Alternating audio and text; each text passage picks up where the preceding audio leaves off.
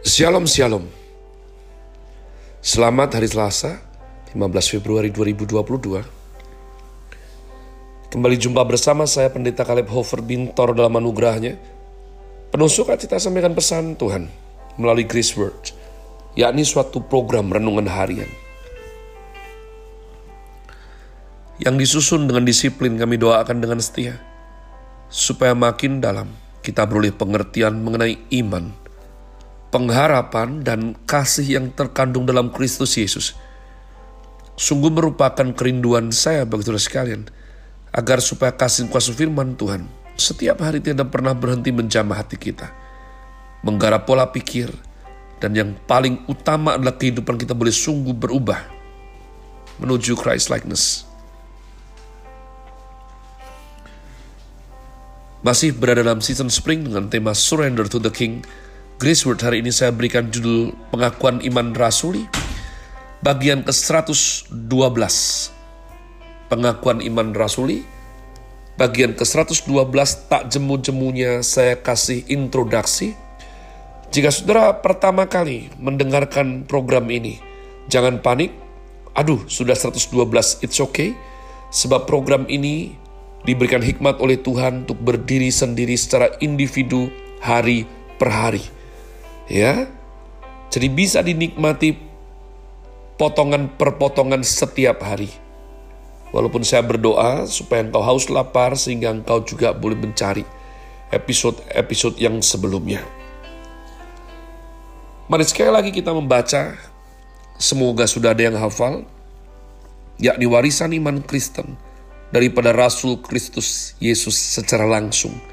Pengakuan iman rasuli Aku percaya kepada Allah, Bapa yang Maha Kuasa, Kalik langit dan bumi, dan kepada Yesus Kristus anaknya yang tunggal Tuhan kita.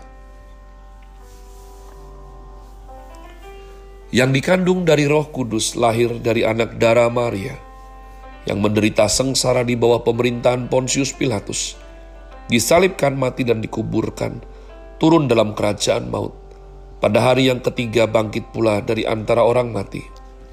Naik ke sorga, duduk di sebelah kanan Allah Bapa yang Maha Kuasa. Dan dari sana ia akan datang untuk menghakimi orang yang hidup dan yang mati.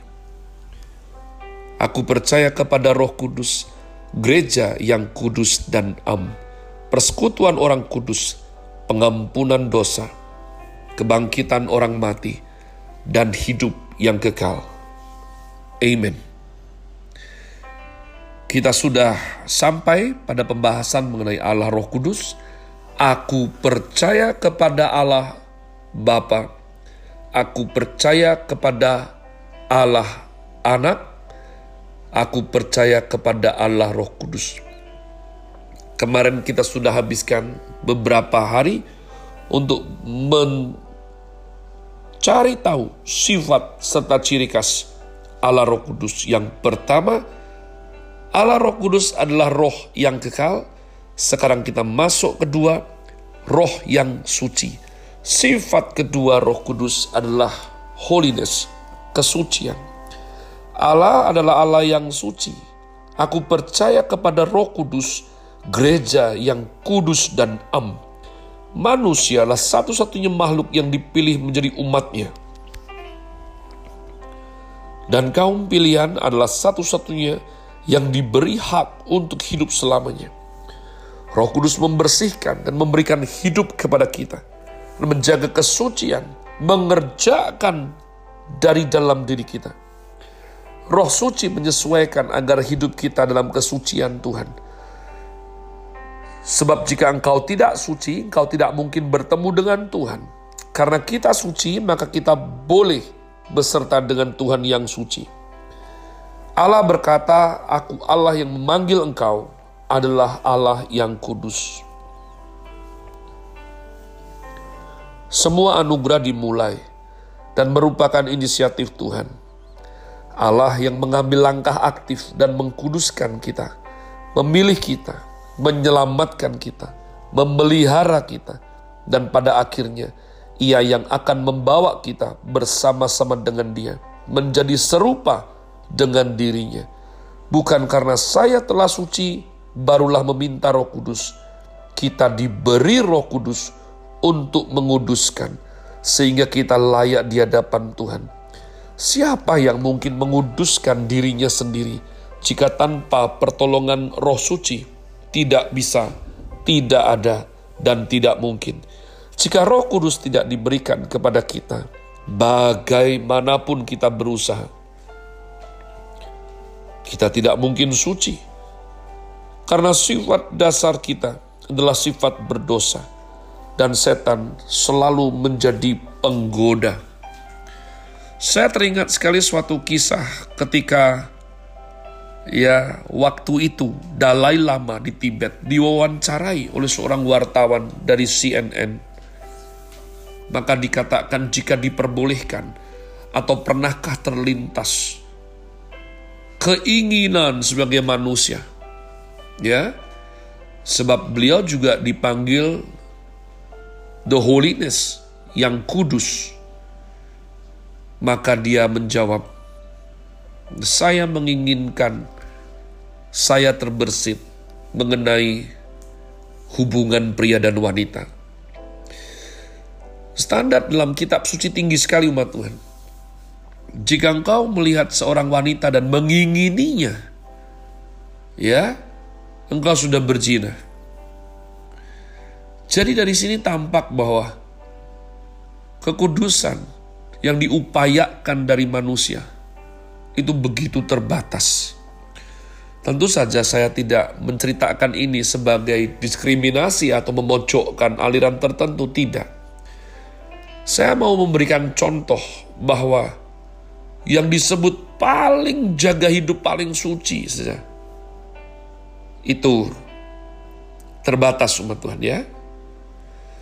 Jika kita bersandar kepada kekuatan diri kita sendiri, bukan kepada Tuhan, mustahil untuk kita bisa hidup suci. Manusia dilahirkan di dalam dosa, berjalan dalam dosa, sehingga kita tidak memiliki kemampuan untuk membersihkan diri dan sepatutnya dibuang oleh Tuhan.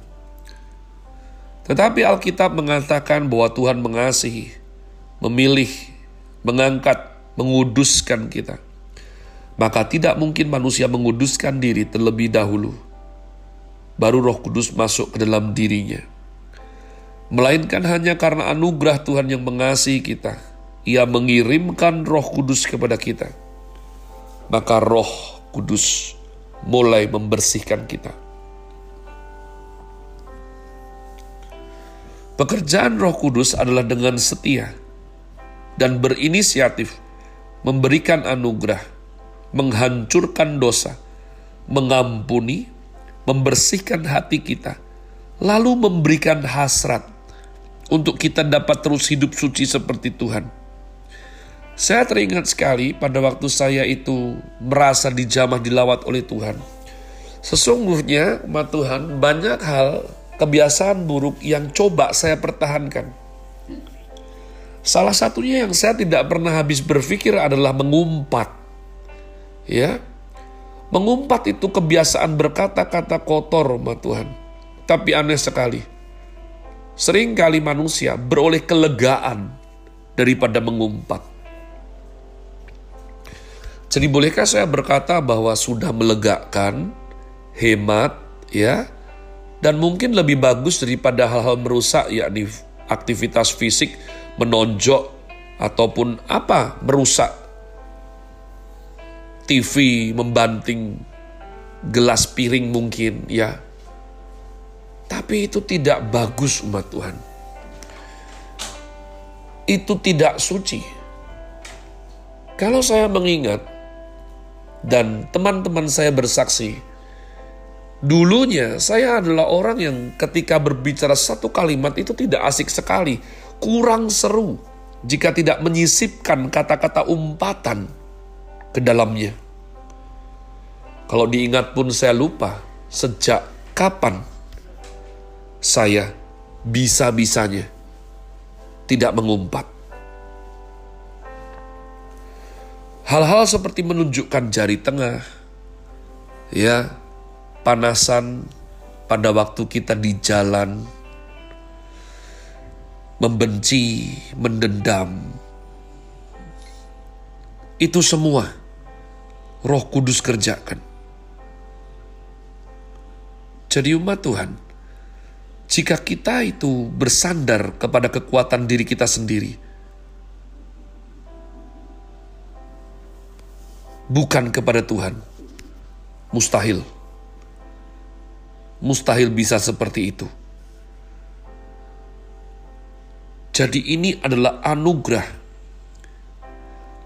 adalah tanda kita lahir baru.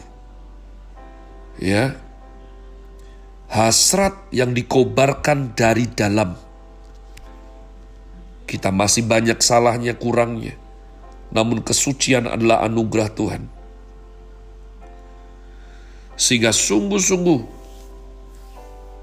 ketika kita ikut Tuhan dengan betul, inilah yang dikerjakan roh kudus. Dia akan menggarap hati, jiwa, hidup kita. Menuju apa? bukan kaya, bukan sukses berhasil, itu semua efek samping umat Tuhan. Bukan tujuan. Namun tujuannya adalah menjadikan mempelai Kristus yang tak bercacat, tak bercela, kudus dan berkenan di hadapannya. Have a nice day. Tuhan Yesus memberkati saudara sekalian. Sola. Grazie.